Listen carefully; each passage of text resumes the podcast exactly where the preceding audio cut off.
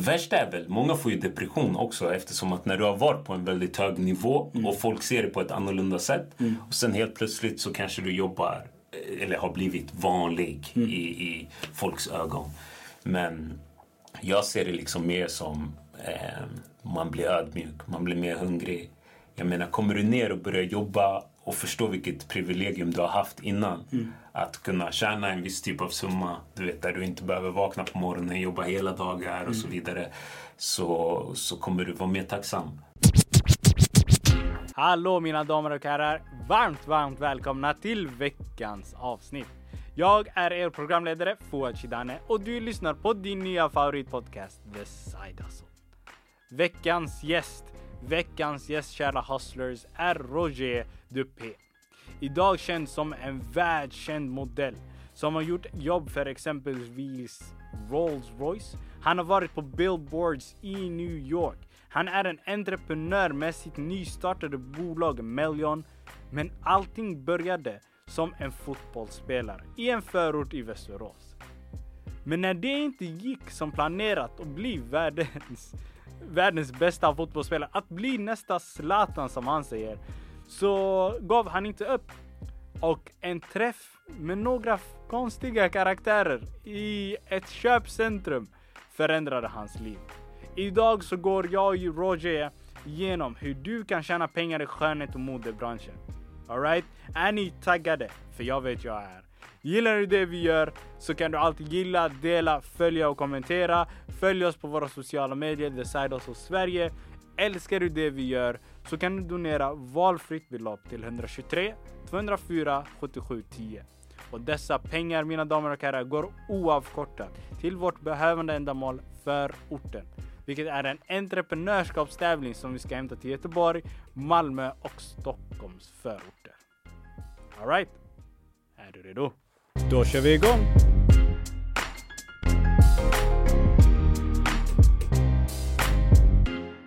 Hallå där mina damer och herrar! Ny vecka, nytt avsnitt och idag ännu en gång så är vi i Studio Stockholm. Idag så har jag med mig en före detta fotbollsspelare, en modell, en entreprenör, en kille som rappar Västerås mm. kanske? Oh, you never know. Men idag så bor han i Stockholm. Mina damer och herrar, det är Roger Dupé. Yes. Tjena Roger. Tja. Hur mår du? Det är bra tack. Själv då? Det är bara, bara bra. Har du fått en fin start på veckan? Absolut, absolut. Det är full rulle. Ja. Så det är hektiskt, men ja. det är roligt. Så jag introducerade dig ju också som eh, entreprenör mm. och eh, du, är, du har precis lanserat ditt nya företag Melion. Mm, Berätta gärna, vem är du och vad är det ditt företag gör? Ja, vem jag är? Jag brukar, det är svårt med det här med titlar men eh, jag brukar kalla mig en helt vanlig kille från liksom Bäckby, Västerås som valde att gå sin egen väg. Yeah. Eh, kort och gott. Och eh, min dröm var väl att bli fotbollsproffs eh, som liten. Så det var väl liksom det jag skulle bli och det jag skulle göra. Men sen eh, snubblade jag lite på mållinjen där vid 19 års ålder och kastades in i, i modevärlden. Mm. Och gjorde en gedigen karriär där i över, över tio år, inne på mitt elfte år tror jag. Mm. Eh, och efter det så släppte jag även en bok, Den motvilliga modellen, där jag berättar om liksom, mitt liv och varför jag gjorde vissa vägval i livet mm. som resulterade vart jag är idag. Mm. Och eh, för cirka tre månader sedan lanserade jag mitt eh, hudvårdsmärke Melian som jag jobbar med. Det tycker jag är ganska bra svar på vem ja, du är. Ja. Okej, okay, den motvilliga modellen har yes. fått väldigt mycket uppmärksamhet. Mm. Riktigt bra bok. Mm. Vad känner du var dina största takeaways från boken? Var det någonting som du fick tänka över när du väl skrev boken? Eller? Ja, boken någonstans för mig blev det en ögonöppnare. Mm. Eh, som vi pratade lite om tidigare. Jag är en person som alltid blickar framåt och vill framåt hela tiden. Och då är det svårt ibland att eh, vara tacksam för saker. Alltså du, du stirrar dig blind på eh, det nästa hela tiden mm. utan att ta in vad du faktiskt har gjort och eh, vart du är i livet, vilken resa du har gjort. Mm. Så för mig var boken nästan en psykologisk bedrift där jag kartlägger mitt liv och kunde se så här, okej okay, men shit, nu går jag igenom min barndom. Oj, tänkte jag så här? Var det så här det var? Mm. Oh, shit, nu är jag här. Alltså, har jag gjort det här? Du vet, det, det blir helt liksom verkligt på ett helt annat sätt när, när de sitter och frågar dig saker om din barndom och du tar upp det igen mm. och sen går tillbaka till de platserna där saker utspelade sig. Mm. Det blir väldigt starkt. Så det fick mig ändå att eh, tänka väldigt mycket och bli väldigt tacksam. Mm. Även om jag alltid är tacksam. Men det gav mig liksom en ögonöppnare på vilken resa jag har gjort mm. faktiskt. Är det några speciella händelser från Bäckby Västerås som du känner har varit eh, har kanske skiftat ditt fokus lite grann och valt den riktningen du har tagit? Ja, absolut. Jag tror många kan stryka under när man kommer från eh, ja, men, förorten som man brukar kalla det. Mm. Eh, men jag såg det också som väldigt fint när jag var liten. Jag såg inte de här problematiska sakerna när jag var mm. liten utan jag såg en, en ort där man hjälpte äldre med kassarna. Jag såg en ort där man liksom bad grannen att köpa mjölk. Man lånade saker från varandra. Mm. Alltså, vi kunde ha ett Playstation och en hade en kontroll, en hade ett spel. Hela gården var där! Alla, alla, hade olika saker, delade jackor och, yeah. och, så vidare. Så det var liksom min verklighet utav det. Men sen när man växer upp och blir lite äldre så ser man de här gråzonerna och då mm. eh, var det ganska enkelt när man började förstå att okej, okay, men de här håller på med vissa saker mm. och eh, man slussade sakta in och också var nyfiken och tyckte det var liksom intressant. Mm.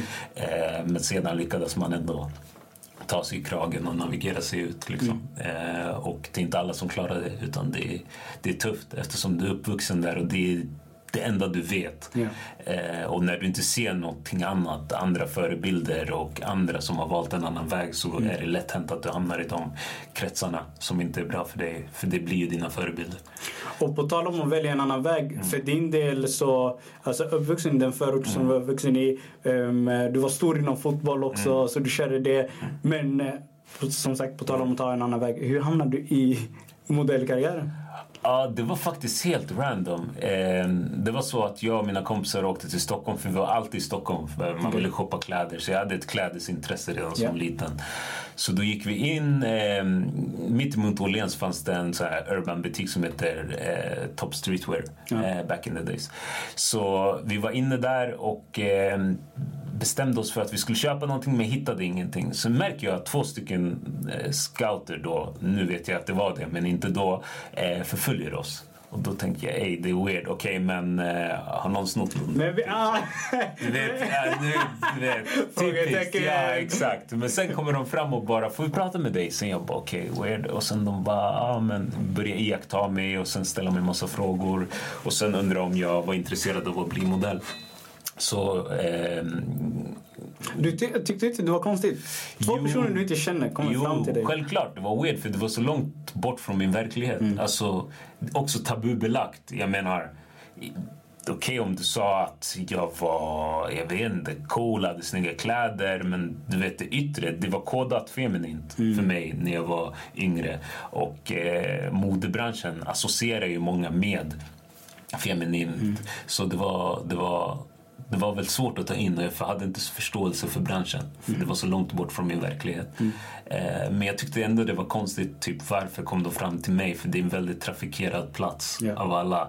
Och eh, valde ändå att ta deras visitkort. Och sen, jag kunde inte släppa tanken. Även om mitt eh, liv rullade på som vanligt sen. Det var någonting som bara så här, okej okay, men jag måste bara se vad det är, förstår du?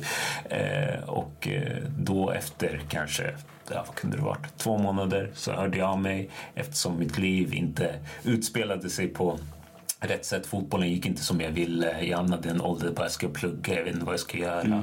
Så jag bara... Du runt 19-20 ja, eller? precis. Mm. Eh, så jag bara, okej okay, men låt mig se vad det är. Mm. Så testade jag.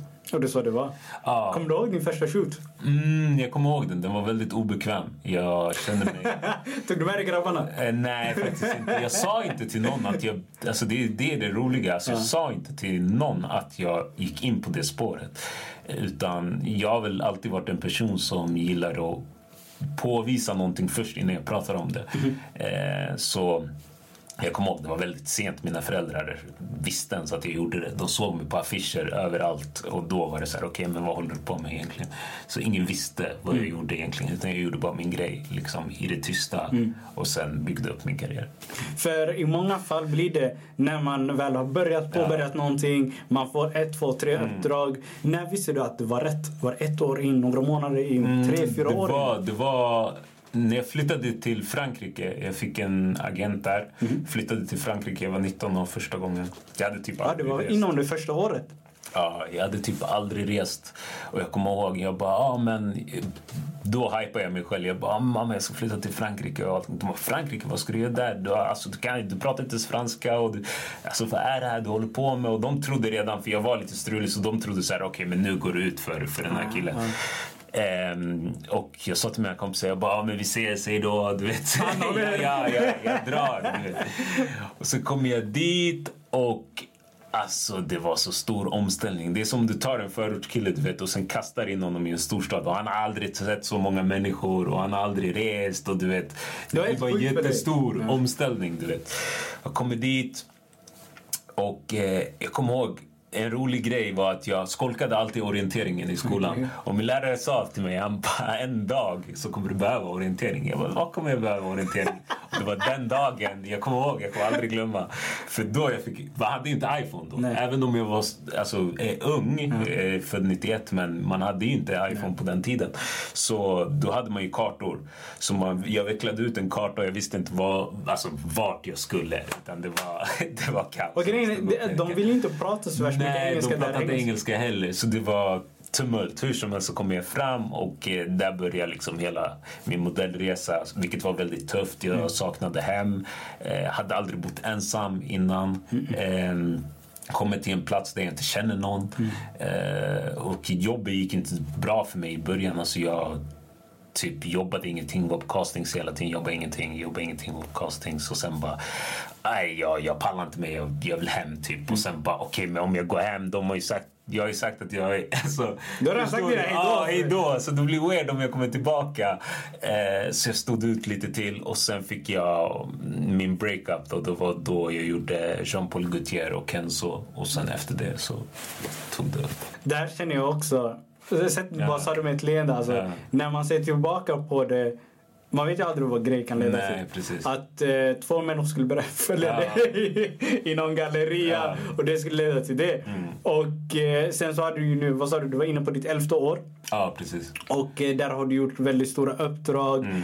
Var, vart är det du knyter upp tråden? Så den här röda tråden som du haft genom din modellkarriär. Att, varför känner du att idag var dags att du kunde starta ditt företag Mello? Jag tror att jag brann för någonting mer än bara vara en professionell galge som jag brukar säga. Mm. Alltså jag har, du vet modeller i branschen de uttrycker sig inte så mycket. De mm. säger inte Oftast säger de inte vad de känner, vad de tycker, om de har idéer till att skapa någonting. Det är ofta så här, ja men du blir tillsagd och du gör. Mm. Och jag är inte riktigt en sån person. Jag har alltid velat ha koll på saker. Jag har alltid velat ta ansvar över min egen karriär. Mm. Och jag har alltid försökt att liksom vara den som styr över mitt öde. Mm. Ehm, för om du bara låter någon annan styra bilen så kan det hamna vart som helst. Ehm, så strategiskt har jag väl alltid tänkt så här, okej okay, mig jag gör det här, det här kommer leda till att jag eh, får ett ansikte med mitt ansikte. Så om andra stora varumärken liksom bokar mig och jobbar med mig, det betyder att då att jag kan bygga ett brand. Mm. Och med det brandet som jag har byggt och det kontaktnätet jag har måste jag kunna lansera en produkt. För om mm. de kan använda mitt ansikte på sina produkter då borde jag kunna använda mitt ansikte själv på mina produkter. Så, och hur långt in i karriären är det du börjar tänka så här? Uff, eh, det är ändå...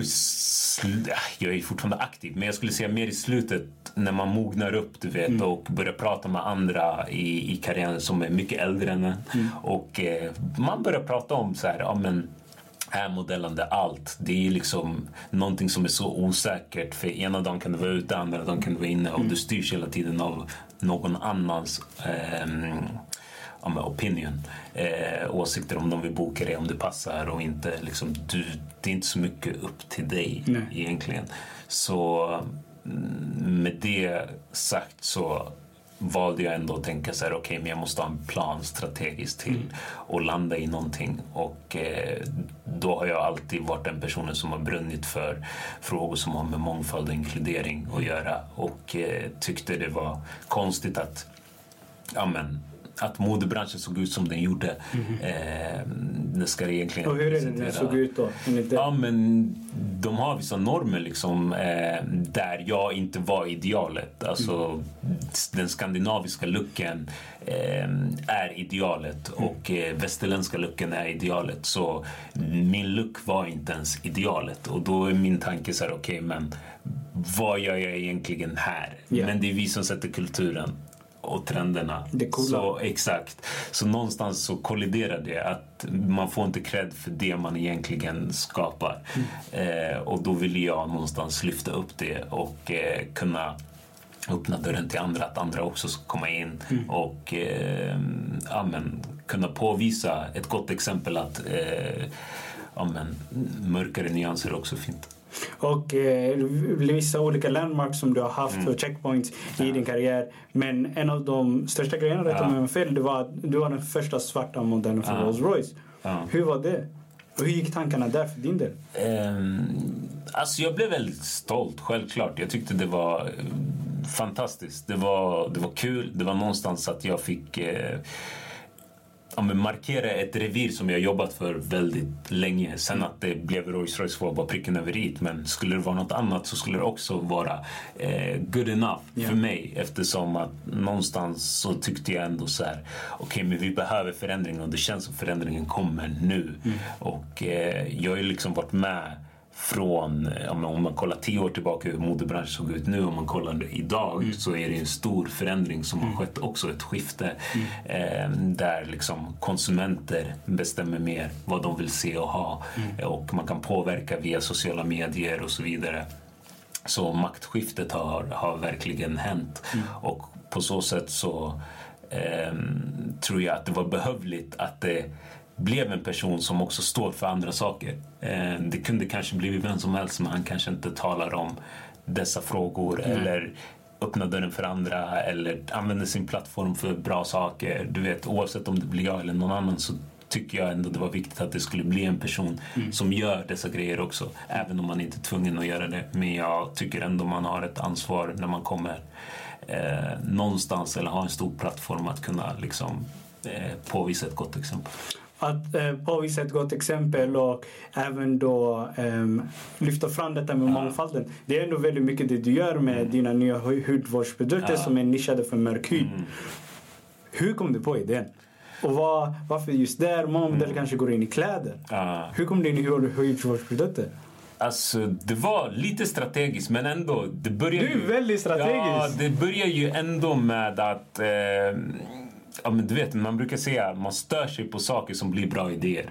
Berätta, berätta. Så, eh, alltid när jag reste, jag reste till Paris, USA, England och så vidare, och så, vidare så sa mm. alltid min mamma så här, ah, men kan du inte köpa produkter med dig därifrån? Och kan du inte köpa det där därifrån? Jag bara, men alltså, vi har NK, Kicks, you name it här. Varför kan du inte köpa produkter därifrån? Roger, men eh, alla produkter är inte, eller majoriteten av produkterna är inte skapta för oss. Mm. Eh, och de passar, vissa produkter passar inte texturen till mitt hår och så vidare. Och att det skiljer sig på svart kontra mm. vit hud.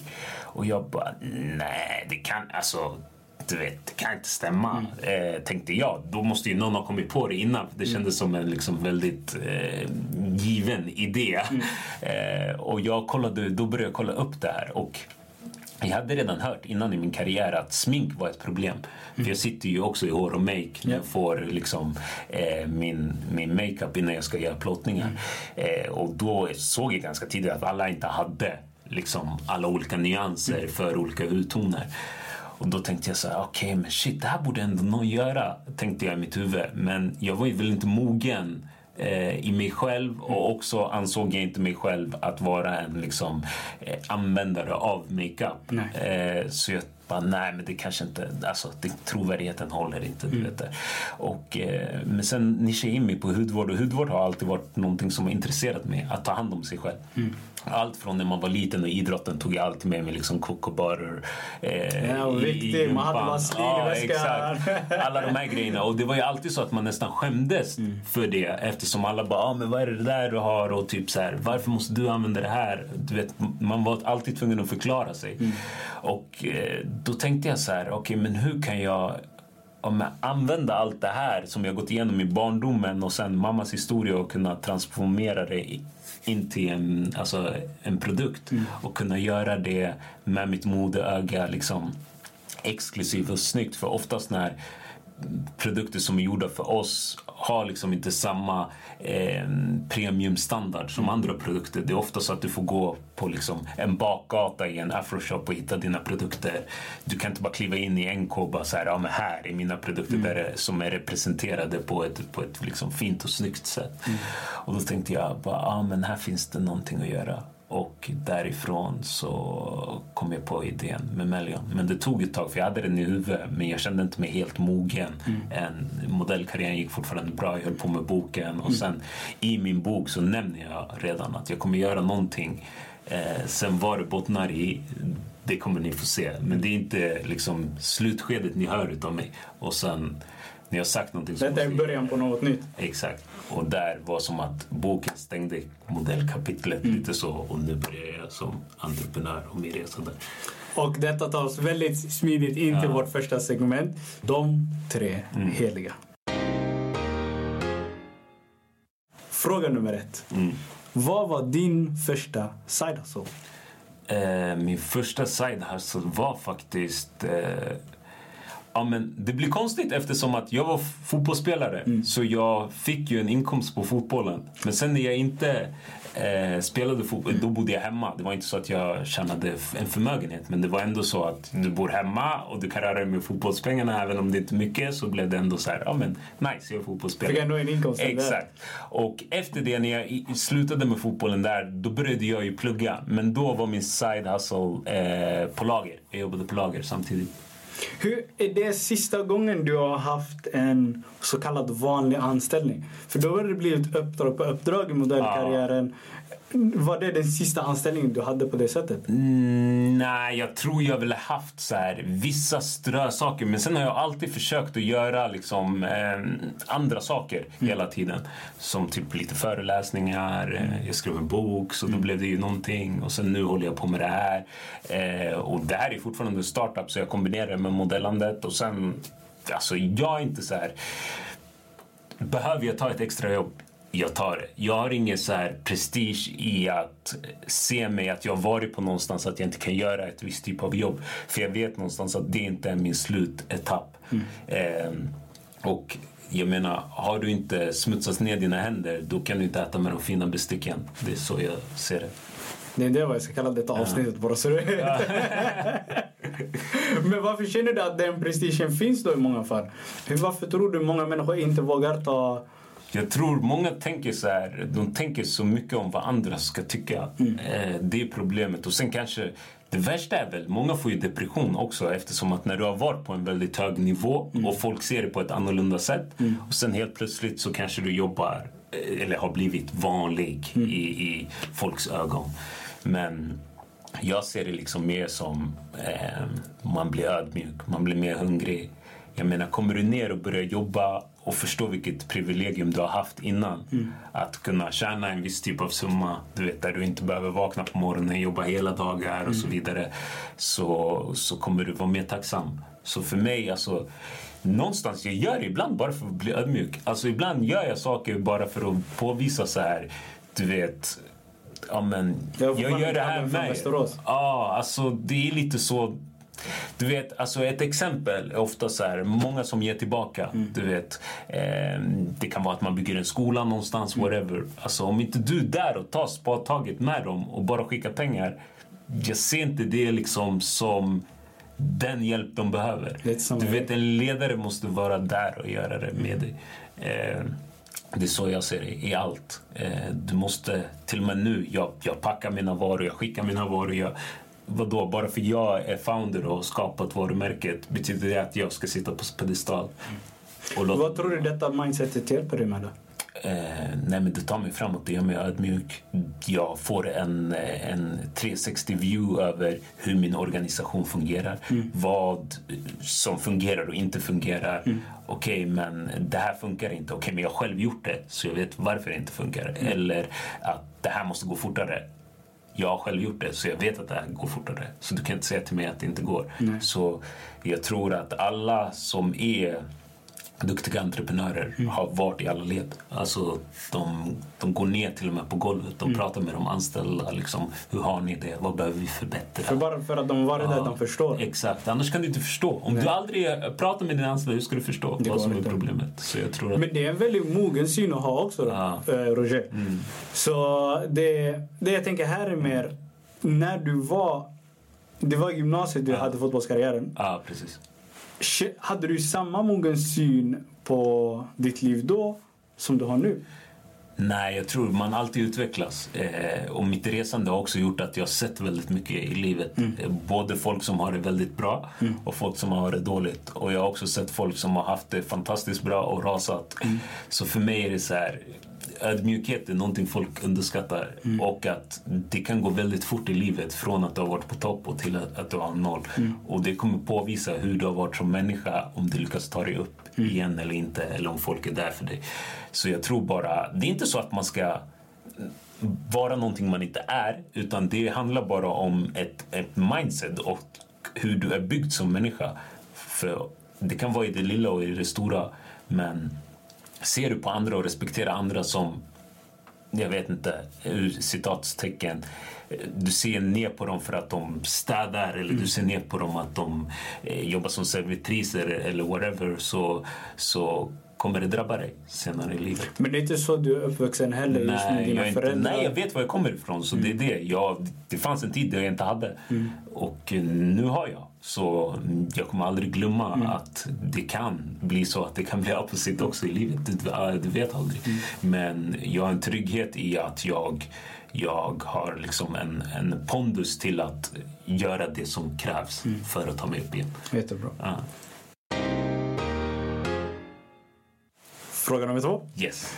Så uh, jag vill ju att uh, många av mina lyssnare ska Mm. kunna lära sig av uh, andras misstag och Ja. kunna ta det därifrån. För ens framgång lämnar fotspår. Ja, absolut. Vad känner du har varit en av dina största misstag eller kanske även misslyckanden om man säger det hårt Mm.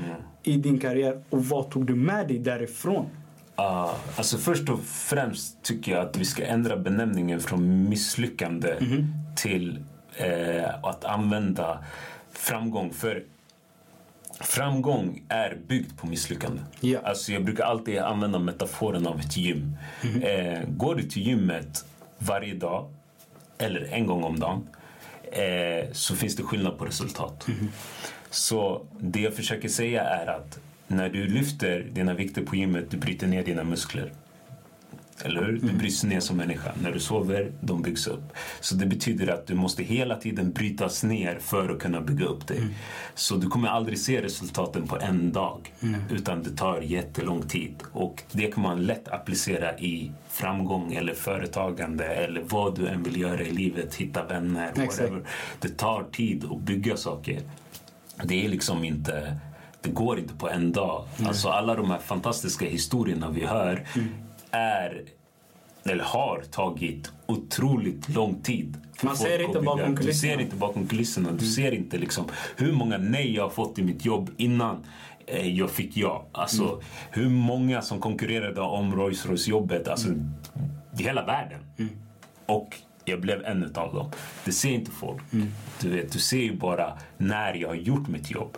Eh, så det är, ju, det är det som är svårt för folk att, att, att förstå och ta in. Men jag skulle säga miss, mina misslyckanden har oftast varit en lärdom för mig. Eh, och det har väl varit att jag, eh, för att gå in på det, ibland kan jag vara lite för ivrig. Jag vill saker för fort nästan. Och det är både en blessing and a curse. För det, det motiverar dig och tar dig framåt. Men ibland så har inte du, det är det jag menar med mognadsprocessen. Du tror att du klarar av det. Men du, egentligen så klarar du inte av vad som kommer med det priset. Eh, så det kan vara allt från liksom att kritik Ja. som kommer och du bara så ballar ut för du klarar inte av den kritiken. Det kan vara att ja, men du har inte tänkt på vissa saker som är så fundamentala i entreprenörskap som du bör kunna. Eh, och då kanske du måste läsa mer, kunna förstå. Så det är väl sådana saker som jag ser som mina stora misslyckanden. Och de har jag tagit med mig att jag, jag försöker skynda på saker och inte göra min hemläxa. Och då blir jag slagen på fingrarna. Då måste jag gå tillbaka och göra min hemläxa och sen kan jag gå framåt igen. Så istället för att kanske gå ett, två, tre steg så kanske jag gick två och sen fyra tillbaka och sen två fram igen. Liksom. Men du känner där då att det är de lärdomarna som ändå har gett och möjliggjort dina Absolut, framgångar? absolut, absolut. Jag ser det bara som liksom så här, jag, är- jag är väl en risktagare och sen tror jag mycket på min, min magkänsla. Jag börjar bli bättre, bättre på att lita på den och någonstans kunna navigera att alltså vill du någonting på riktigt så kan du göra det. Eh, det handlar bara om hur mycket tid du vill lägga ner på det. Sen du vet, man jämför sig så mycket med varandra. Det är det som är problemet. Min resa kanske tog ja, vi säger 12 år. Och det har bäddat för att jag kan synas nu i vissa forum med mitt brand. Förstår du? Det kontaktnätet jag har byggt upp under den långa tiden gör att jag kan kliva in på ett kontor och pitcha min idé. Men det är inte vad människor Förstår du? ser. Det är inte det folk ser. Nej. Utan det har ju varit en enorm väg Mm. dit av relationer där jag har ställt upp på vissa intervjuer när jag har varit här till exempel. När journalisterna vill åt mig Ja. har jag ställt upp. Och nu behöver jag dem för att de ska pusha mitt brand. Så nu ställer de upp. Så det är givande och och ta. tagande. Ja, så är det. Vem, om man kör då på just eh, dina framgångar då. Är det någon framgång som du är mest stolt över? Eh, ja, absolut. Alltså, jag skulle säga min modellkarriär definitivt är jag stolt över den. Eh, någonting som, som skaver i mig är fotbollen. För jag vet att jag hade kunnat om jag hade fokus där. Men å andra sidan hade jag inte varit den jag är idag Nej. om jag hade gjort det. Men den skaver i mig. För den är så här, okej men du gjorde inte allt. Du vet den känslan av att så här, om jag kunde. Jag har bevis på att jag kunde. För mina andra kompisar som är där nu var jag inte långt ifrån. Eller vissa var jag bättre än under den tiden. Men jag hade inte det mentala hela vägen. Blev det inte lite av en känsla att när du väl lämnade människor sa ja, men du, du hade möjligheten, du kunde Ja. ta dig dit. Ja, exakt. Hur var då avslutningen på din fotbollskarriär om man hoppar tillbaka i tiden då? Vad var det som fick dig att säga hej då till fotbollen? Alltså där också, jag hade för bråttom. Återigen, där ser jag det igen eftersom att min karriär gick väldigt bra för mig direkt. Jag hade inte haft någon motgång typ. Det var så här, okej men ungdomsåren det gick strålande. Ja exakt, jag bara jag är klar, jag kontrakt när jag var 16. Du vet, allt bara var, allt var bara så här pam, pam, pam, pam, pam. Och sen kommer det min första motgång ordentliga. Jag får en skada och bara så här, okej men det är lugnt, jag kommer tillbaka. Var det en knäskada? Ja, jag kommer tillbaka för skadan. Kommer tillbaka för skadan, men nu börjar allt bli roligt. Du vet, allt från kvinnor, fest och hamna i andra typer av liksom forum där jag tappar fokus eftersom jag bara... Fotbollen har varit det enda. Jag har varit inlåst nästan i, mellan mina fyra väggar. Bara jag du och fotbollen? Ja, bara jag och fotbollen. För den var som min pappa när jag var liten. Mm. Det var liksom den som när jag mm, ja, hamnade i utanförskap och så vidare. Det var fotbollen som gjorde så att jag någonstans blev sedd och accepterad. För alla ville vara med någon som var duktig på något. Så då var liksom fotbollen det som förde mig framåt och gjorde så att jag ja, blev accepterad och, Exakt. och kunna bli någorlunda populär i skolan. Det var fotbollen. Så för mig, så nu tog du bort hela min identitet. Så vem är jag utan fotbollen? Så var det lite svårt där då när efter fotbollen du hamnade på lagret och du visste inte vad Ja, du skulle göra? självklart. Men den gav mig en läxa också. För i slutet av dagen var jag så här, Det var lite av en käftsmäll. 100 procent. Och sen någonstans en acceptans för att så här, okej, du vet, du tjänar mycket pengar på lagret, absolut. Om du, för jag är en vinnarskalle, så det var så här, snabbast ackord. Okej, Ja. jag hittade en drivkraft Ja. i någonting annat, du vet. Men sen bara, okej, men min rygg börjar verka när jag är typ 22 år. Du vet, ska det vara så här? Nej, du vet, jag såg inte solljus, jag såg inte när det regnade ute. Du vet, jag bara körde de här truckarna, samma sak, ut in, dag ut, dag Bodde du i Stockholm då? Nej, Västerås fortfarande. Eh, Så jag kände bara så här, okej, men nej, i värsta fall låt mig få ett kontorsjobb i alla fall. Det, det kan jag fixa. Ja. Så tänkte jag. Då är jag kommer ändå upp en nivå jag lever du vet. Det är ändå ett privilegierat liv. Alltså, Verkligen. förstår du? Det är det man inte tänker för man har så höga förhoppningar om sig själv och drömmar. Du vet. Men någonstans är det också ett väldigt rikt liv. Men jag kände bara, jag vill mer. Alltså, jag vill mer. Och därifrån så tror jag så här, ja men om du tror på din intention så kommer du hamna rätt till slut. Men kände du inte den ambitionsnivån? Hur, hur var det i relation till pressen hemifrån? Jo, det, det var också tufft eftersom i slutet av dagen så är ju alla mina syskon har ju gått den traditionella vägen och är akademiker och så vidare. Medan jag var så här, ja men bus i skolan, har bara gjort det han tycker är roligt, bara gjort kreativa saker. Men å andra sidan har jag bara gjort det jag själv tycker är roligt. Men var det inte svårt att gå mot strömmen? Jo, alltså speciellt med afrikanska föräldrar där de säger att du har kommit hit till, eller vi tog dig hit till Sverige. Vi har gett dig möjligheter till att göra. Bara om jag fick de här möjligheterna, du skulle se vad jag skulle vara.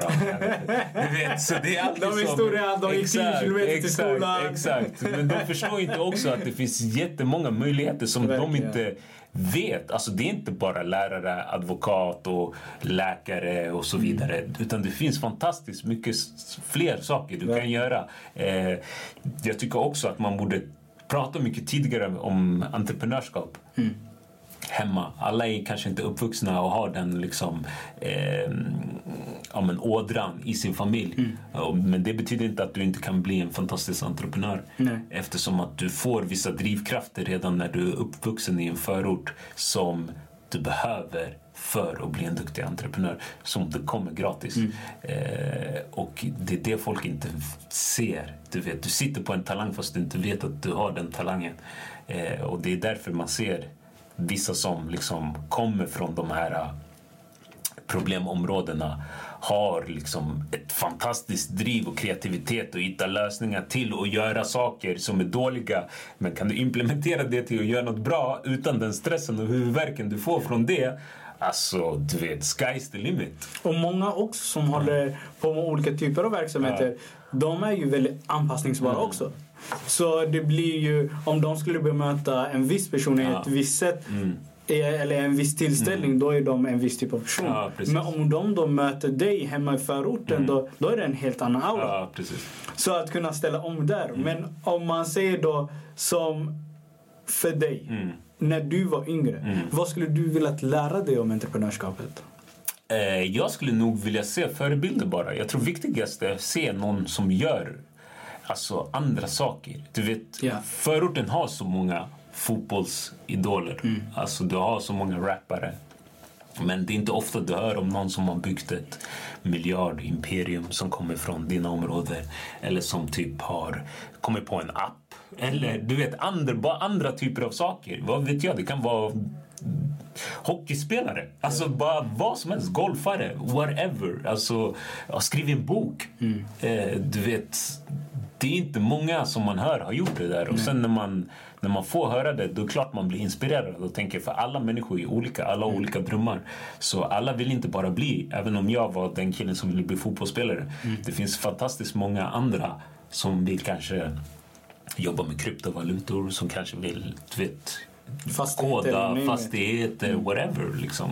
Eh, så man måste bara se de här som har gjort den klassresan som man brukar kalla det för att bara säga okej men han kan, då kan jag. För att det blir så långt att relatera till. Även om jag hade Zlatan som idol, du vet. Men hur ofta kommer jag se Zlatan? Det är typ det. Samma sak som jag hade Martin Luther King. Jag läser om honom men det blir liksom overkligt eftersom att det är så långt borta.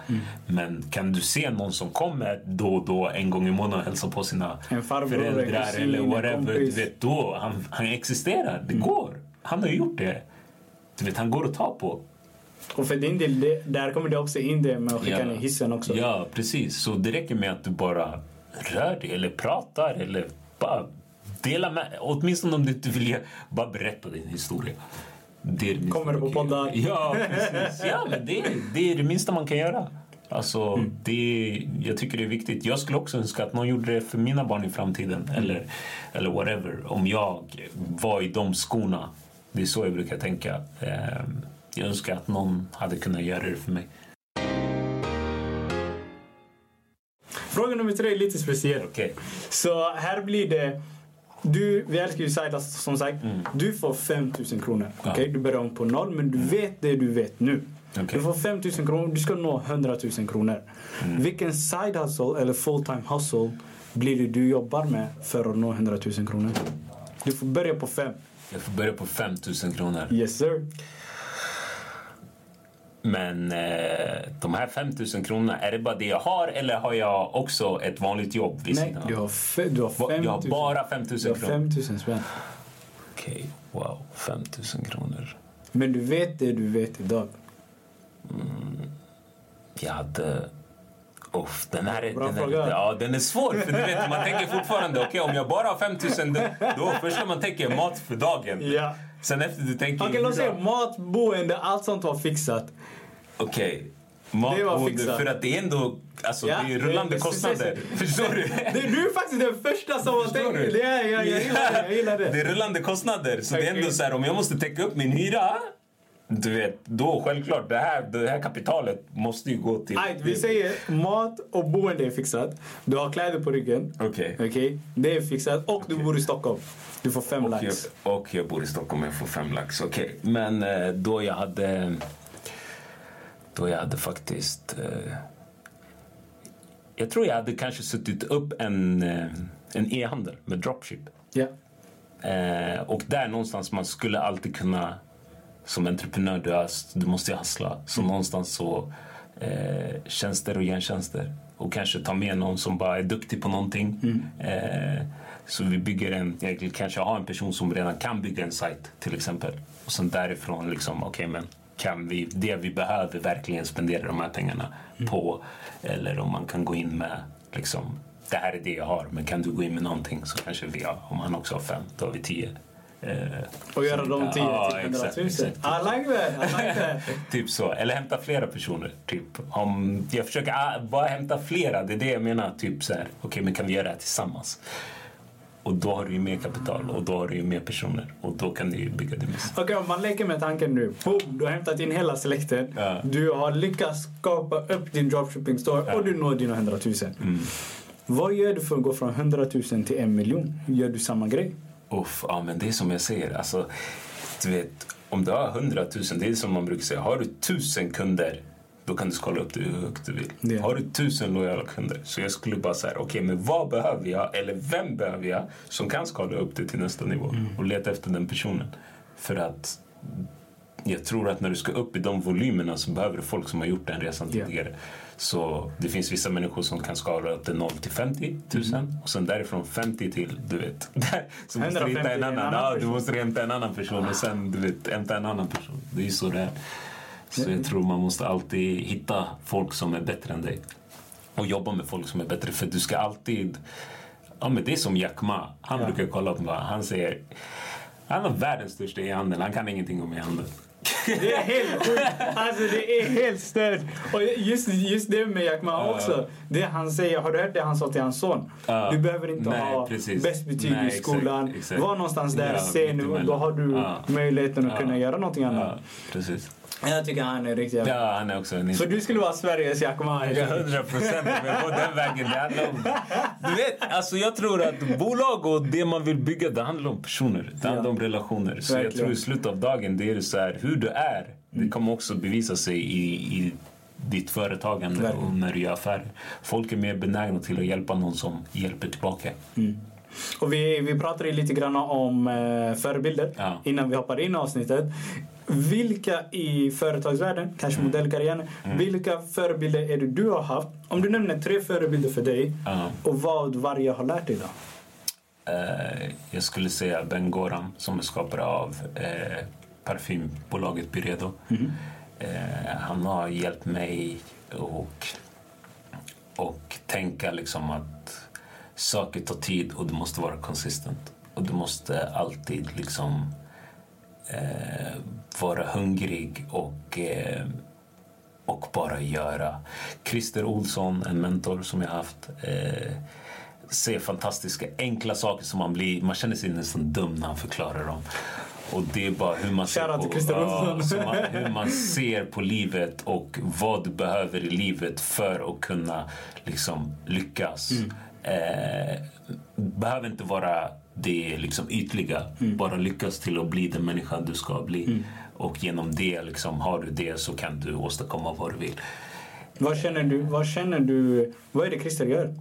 Jag är föreläsare. Föreläsare. Mm. Okej. Just med det, de lärdomar som du fick av Christer. Mm. Vilken känner du har varit mest påtaglig för dig? Eh, att du behöver inte vara bäst på allt. Delvis det. Det finns andra som är bra på det. Fokusera på det du är bäst på. Så tar det därifrån. Ah, exakt. Okej. Och förebild nummer tre? Nummer tre, jag har sagt ja, okej, två, tre. Eh, det, det, det. Ja, men det måste, det måste ju vara... Alltså, jag kan inte... Ja, men det, jag kan inte lämna Zlatan ändå. Alltså. Nej, det går inte. Jag kan Mr inte lämna, Ibrahimovic. ja, jag kan inte lämna han för att du vet, en person som pratar och backar upp det han säger, alltså jag respekterar det.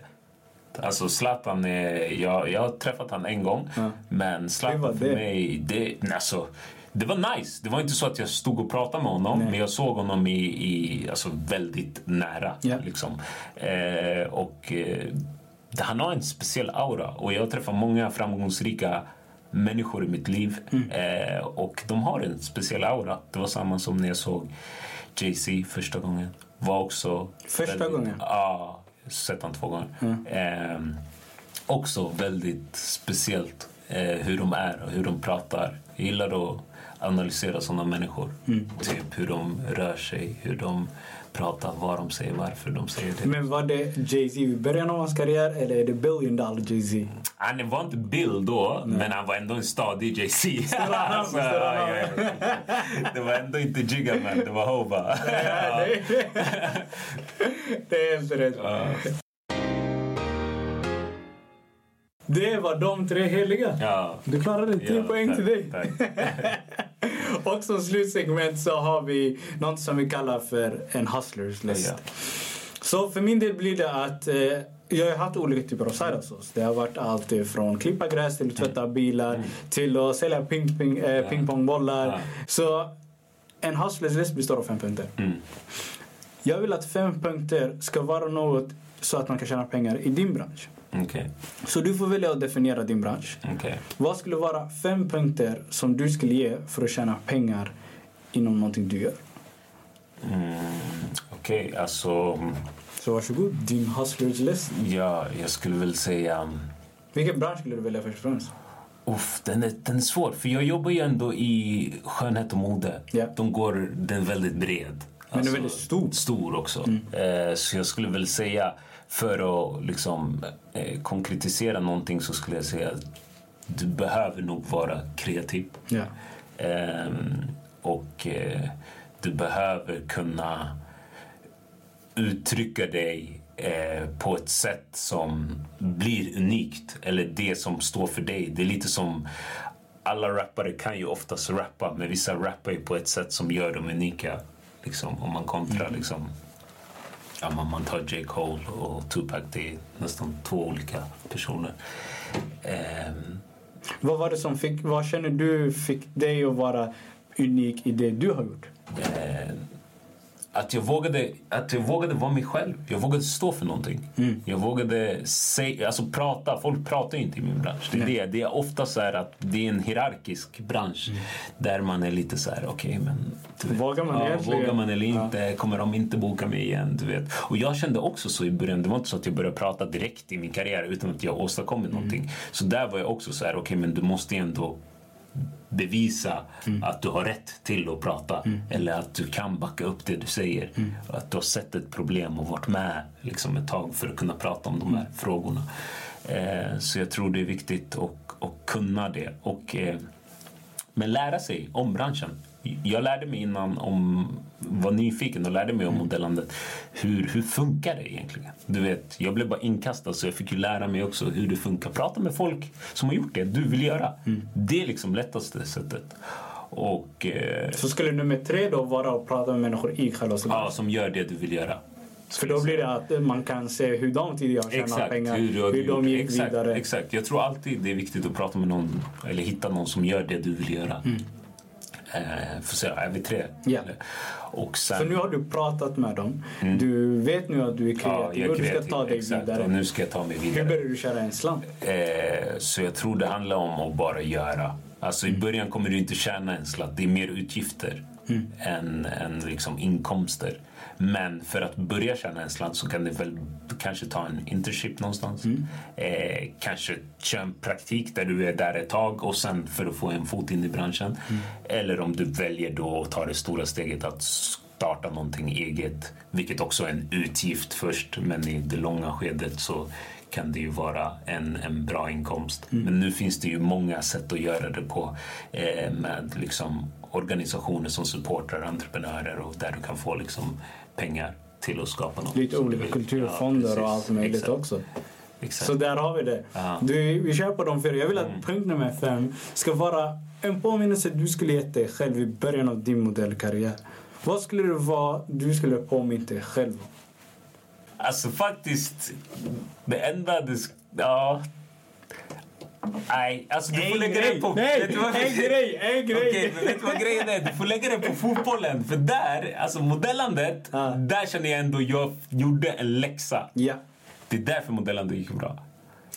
Okej, så du Förstår du? Så ändå... jag känner modellandet, alltså där jag har, jag har faktiskt du vet, jag har kalkylerat, jag har studerat, jag har navigerat, jag har liksom... Du gjorde det gjort nummer tre, du gjorde din ja, research. Ja, ja, jag gjorde det taktiskt. Alltså jag gjorde verkligen så här, okej men jag behöver, nu flyttar jag utomlands och gör det, okej efter det så åker jag dit och sen efter det, okej men vad ska jag göra med mina pengar nu? Okej jag investerar, köper lägenhet. Du vet, jag gjorde det verkligen så här, det här, den här chansen släpper jag inte. Nej.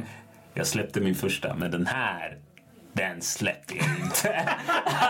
alltså, den här, nej, nej, nej, den här, ingen Men du måste, ha känt, du måste ha känt att det var menat. Att två personer bara kom fram till det bara så. Jag tror mycket på ödet, absolut. Ja. Eh, men jag tror inte på tur. Jag tror tur skapar du. Så är du liksom hungrig, nyfiken, är på olika platser. Jag var alltid den personen som bara så här, ah, men kom vi drar till Stockholm eller kom vi hittar på saker. Du vet, hittar du på saker och går ut och rör dig i obekväma sammanhang så kommer du utsättas för nya saker. Och jag tror folk är dåliga på det eftersom även när jag är från förut, man hängde ju bara i sin ort. Ja. Jag var den killen som bara, ah, okej men jag hade en kompis i den orten, jag hade en kompis i den orten, du vet. Och folk blev ju tjuriga bara för att du ska hålla dig helt till din Var det på grund av att du gick på den andra skolan? Eh, Eller hur var det du lärde känna de andra? Mm, Ja, men delvis det också. Och sen fotbollen gör ju också att du hamnar, träffar olika liksom, fotbollskillar från olika platser. Och sen därifrån så hänger du ibland med kanske vissa svenskar. Därifrån, du vet. Jag är en sån person liksom där, där viben är, där är jag. Liksom. Känns det bra så är det rätt. Så jag Ja. tror man måste liksom ja, utsätta sig för saker, ut från sin comfort zone. Nej, men vad skulle påminnelsen vara till Men dig i påminnelsen början skulle av din vara i början av min fotbollskarriär, ha inte så bråttom. Det skulle vara, ha inte så bråttom. Jag trodde ju det var över fast jag var 19. Alltså 19 är ändå så Det är här, sjukt. Det är ändå, Det är du har tid alltså ändå. Men jag tänkte så här, okej men jag såg alla mina kompisar bara, okej nu åker den dit, Mm. den åker dit, den åker dit. Och alla utvecklas ju olika. Så vissa kanske har sin prime time när de är 25 Mm. och bara så här briljerar. Och andra har haft fantastiska karriärer när de är 16 Ja. och sen bara... Bara neråt ja, därifrån. precis. Så för mig har inte så bråttom. Nej. Jag tror att man har för bråttom. Saker tar tid och man är ivrig och man vill framåt. Det är det som är, det är, det som är min blessing och curse. Jag är medveten om det. Jag vill framåt. Jag vill så mycket hela tiden men ibland måste jag bara så här... Du vet, jag har ändå jobbat på min idé i två år och nu den har varit i tre månader. Så någonstans måste du också inse att typ så här, ja, men den har bara varit tre månader live. Du har jobbat på den två år. Men världen har inte sett den i två år. Så det tar tid. Men idag, hur gammal är du idag? Jag är 29. Du är 29 idag. Känner du inte att det fortfarande är början? Att du fortfarande är där vid startskottet fortfarande? Jag tror jag växte upp för fort. Jag tror mitt liv har gått så himla fort. Alltså om man tänker efter. Jag har bott på flera ställen. Jag har rest. Var, Jag vart har du bott? Jag har bott i Frankrike, Ja. jag har bott i Milano, jag har bott i London och eh, New York. I New York. Ja, New York bodde jag längst, två och ett halvt år. Det måste ha varit sjukt ändå att se dig själv på Billboard. Ja, ah, jo det var sjukt. Det var ett tag jag var på billboards, bussar, tunnelbana. Alltså det var sjukt. Och då stod jag så här och, tillsammans med... Jag känner han där ändå. alltså tänk dig den här förortskillen som hängde på Centrum hela dagarna som de i skolan sa det kommer inte bli någonting utav dig du vet, om du fortsätter så här. Look at me now. det, det, det, är den. Men det, det, jag tror det är, jag alltid, jag tror det är en stark drivkraft också att vara underdog. Verkligen. Det, det är någonting som gör att du får en stark vilja att du liksom sparkar in dörren. Det, det, det måste bli om du vill att det ska bli. Det, det, det, det, alltså, det är det det handlar om. Jag tror, jag tror det, det, hur mycket tid du lägger ner på något. Det är du som avgör det? Ja, det är du som avgör det. Sen kommer människor komma in, men då handlar det om, som jag, ser, jag kallar det möjligheter. Ja. Sen är det upp till dig om du ser de möjligheterna eller inte. Majoriteten av människorna sover. Där måste du bygga på. Ja, för att det handlar om att du har möjligheter varje dag. Mm. Det kan vara allt från att du tar ett initiativ och pratar med någon som du aldrig känner. Mm. Det kan vara ett initiativ att du går en annan väg och du går inte samma väg. Mm. Det kan vara initiativ att du går utanför din comfort zone och typ testar någonting som du aldrig har testat. Och då händer det ju någonting. Det är alltid då det händer någonting. Men om du stannar i din comfort zone? Då händer ingenting. Det är så det är. Livet är så. Det händer ju ingenting. Nej. Du kan ju inte sitta hemma för Alltså många pratar ju om också en intressant metafor, ja. love of attraction. Ja. Du vet, det du tänker på, det är det det kommer bli. Ju mer du tänker på.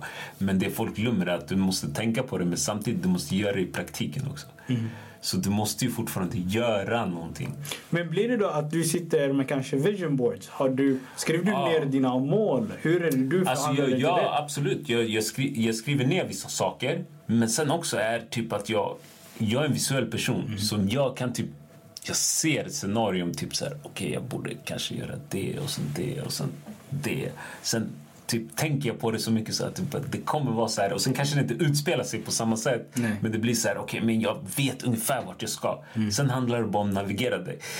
Alltså det är typ som, du vet att du ska ta dig igenom milen yeah. men ibland kanske du hittar en genväg. Ja, Eller är det en omväg för att du hittar fel. Och då måste du tillbaka, springa tillbaka och sen hitta rätt väg igen. För du måste fortfarande komma ja, till mål. Ja, du måste fortfarande komma till mål. Så i slutet av dagen, gör du bara så kommer du... Alltså, det är enklare sagt än gjort, men det gör du om du inte tänker på tidsspannet, mm. du kommer hamna där förr eller senare.